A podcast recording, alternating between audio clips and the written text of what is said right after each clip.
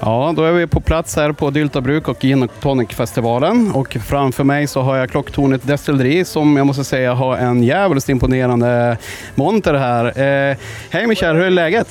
Helt fantastiskt. Eh, lite, lite varm nu när vi precis har blivit klara här nu, men eh, ska nog lugna, lugna ner mig snart så. Vad har du för förväntningar på mässan? Ja, jag vet inte, alltså, vi har nog inte haft allt för höga förväntningar utan vi tar det som det kommer och så får, får vi se vart det leder. Liksom. Eh, Idag ska det bli fint väder också så vi hoppas på att det kommer ett gäng folk idag. Vad bjuder ni på här idag då?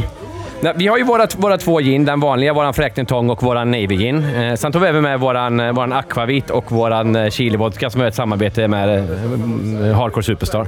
Sen har vi med, med vår egna eh, pilsner och så har vi Janne som står och brassar musslor. Låter toppen, det här får vi njuta utav. Ja, absolut. Ja, vi ska gå runt här och kolla lite.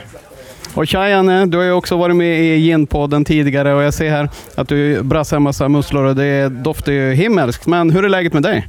Det är väldigt, väldigt bra. Det var en eh, sen upppackningskväll men nu är vi igång och folk strömmar till och solen skiner. Det är fantastiskt.